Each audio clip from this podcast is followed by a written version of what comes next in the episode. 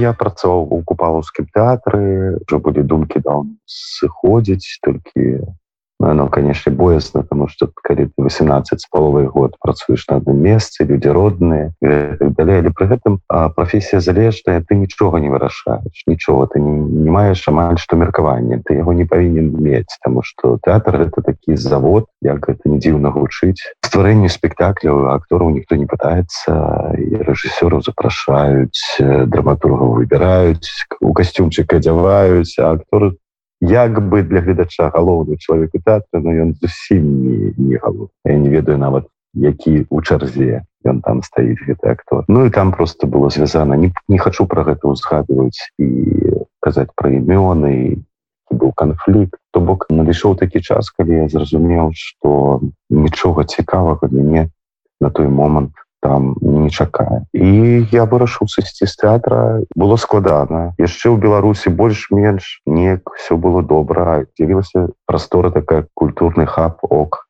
16 і вось у мне з'явілася магчымасць рабіць толькі тое што мяне цікае. Не запрашаюць рэжысёры сучасная драматургія я люблю эксперыменты і вось там пачалося такое жыццё конечно пасля тэатра калі у тебе есть грымёрка калі у тебе там грымёры касцюмеры памрэжы ну гэтак далей ну, все так класна калі ты сам мыеш подлогу для рэпетыцыі то это але я такое люблю. Да гэта не тэатр пляцоўка для магчымасцяў але з кожным годам колькі там прыставаў 16 два з паловай гады по-моему атрымліваецца неяк мы абжылі гэтую прастору кампанія была хорошая. У нас вельмі класныя хлопцы дзяўчаты працавалі там у 16 і гэта ж было ад бабарыка таксама это вся команда. Все что цікавага сучасна эксперыментальна все праходзіла так. Мы с бабарыка не былі так знаёмыя асабіста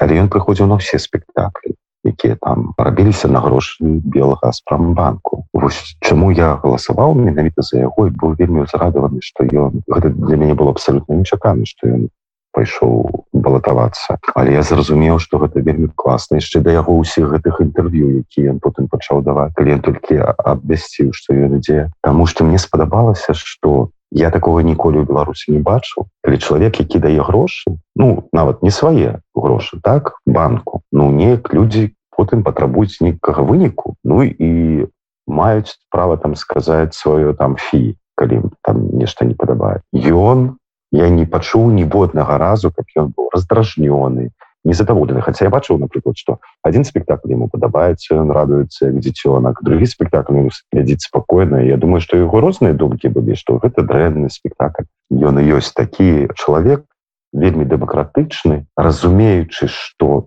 помылки патрэбныя абавязкова каб развівацца расці даль і таму ён заўсёды быў удзячны за тое что нешта там зрабілі у меня была такая гісторыя что пачаўся гэты лакдау і мы вырашылі ок 16 і арка корпоration ну як бы кавіду ж у нас не было у краіне але мы-то ведалі што ён ёсць і мы вырашылі не іграць спектакль. Гэта было цяжкое рашэнне потому что ўсім трэба працаваць выжываць і ну і шкада цікавай працы. Але мы вырашылі зрабіць паузу і не ведалі колькі яна працягнецца эта пауза. Таму я увогуле з'ехаў змен. Я ў красавіку ўжо быў на лецішчы і все тое что было далей я там будзе глядзеў адтуль потым калі ўжо заваруха гэта все пашла я ездзіў на мне на выборы я з'ездзіў у Менск на один дзень а потым ужо з'ехаў зноў на лецішча і ездзіў на гэтыя акцыі лідскія бо ў лідзе выходзіла вельмі шмат людзей у лідзе ніколі не выходзілі а тут выходзіла просто ну каля тысячи было людзей для ліды гэта вельмі шмат і там я перажываў на лецішын што я чытаў навіны калі былі страшныя навіны браўся сякеру калоў дровы. Ну, тому что гэта кудысьці ж трэба пыл гэты. Яно так сціраецца я толькі памятаю што калі вось мы у снежні пасля ўсяго гэтага быў праект разам з рускім тэатрам літвы у вільні рабілі такі проект дыхаем разам і сабралі нас беларусцаў і літоўцаў. І мы павінны былі разам з Марыюсам і Вашкавічцам ён напісаць п'есу, а мы яе сыграць. Вось Марыюс і Вашкавічус пачаў нас пытацца про ўсё. А як гэта ж все тое, што дзеялася, оно было такое расцягнутае. То бок ты адно перажыў тут наступнае, потым третье четвертое ты про тое уже трохі забываешь так ну галава твоя ну не вытрымае калі ты будешь атрымаць у галаве ты штосьці перажыў пайшоў далей а тут Марыус за один тыдзень ён нас просто вывернуў. І гэтыя ўсе падзеі яны там першыя тры дні дык было вельмі цяжка. Ну дакладна з першы так скажешь першая рэпетыцыя сядзяць вось так насупраць літоўскія акторы сядзяць беларусы. Марыус у нас пытаецца мы нешта ўзгадваем прычым нават смешныя нейкія рэчы таксама якія былі. Ну без гумару ж нікуды гэтыя плакаты крэатыўныя. Ну увогуле тое што беларусы білі як там які крэатыў. Таму я напрыклад кагосьці раздражняе гэтым Марыі калеснікавай? Неверагодная. Мне гэта не раздражняе тому что яны неверагодныя. Яны мне здзіўлялі гэтыя беларусы кожны дзень. Так з першага дня калі мы пачалі успамінаць хто што а кожны ж са сваім эмацыйным багажом. Літоўцы плакалі з першай рэпетыцыі Таму што ім гэта не зразумела дзікасць. По праўдзе кажучы я і не збіраўся нікуды з'язджаць насамрэч. Мне як по маім адчуванні нічога не пагражала.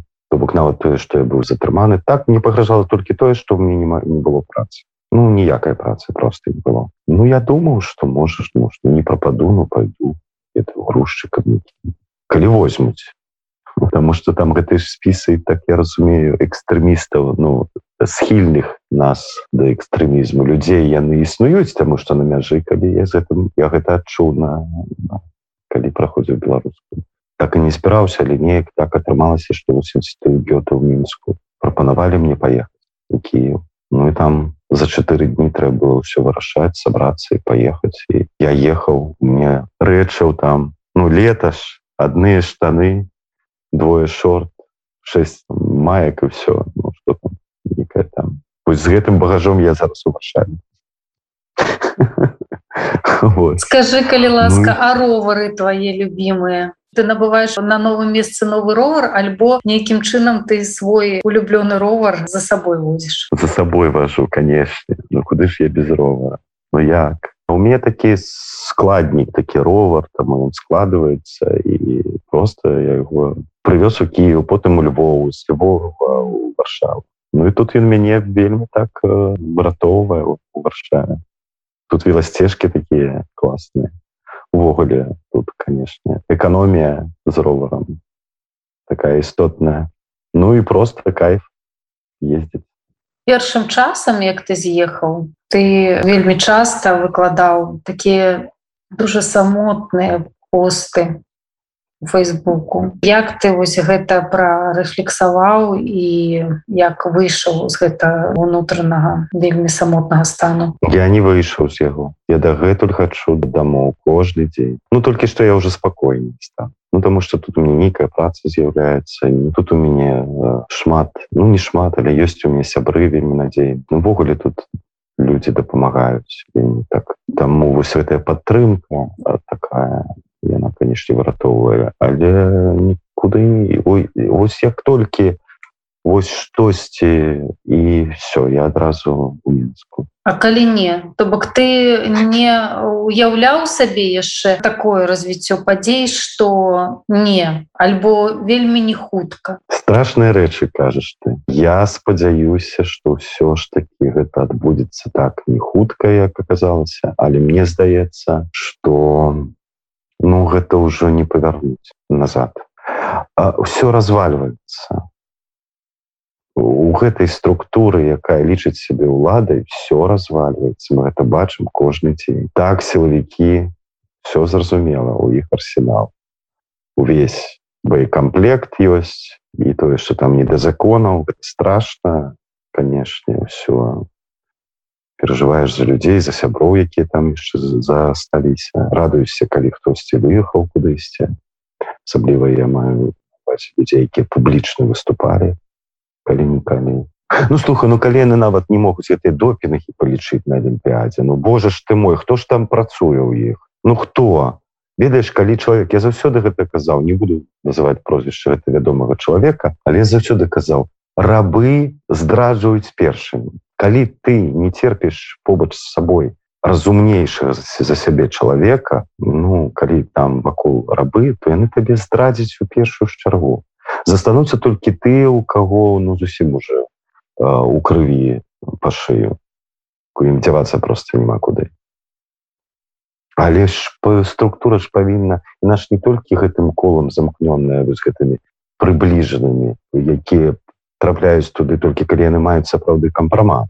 Про гэта ўсе веды вас жа павінен хтосьці лячыць абслугоўваць эту сістэму падтрымліваць. Ну, выбачаюся.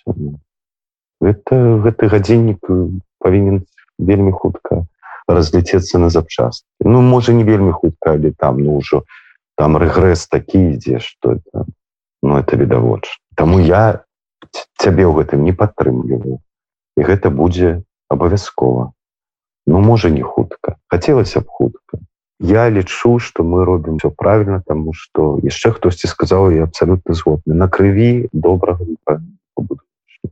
але мне здаецца гэта толькі адзін і верны шлях каб прыйсці да такой можа не чыстай перамогі але такой годнай прыгожай каб не страціць свой вось гэты прыгожы твар рэвалюцыю мне здаецца что все правильно. Цяжка, але правильно.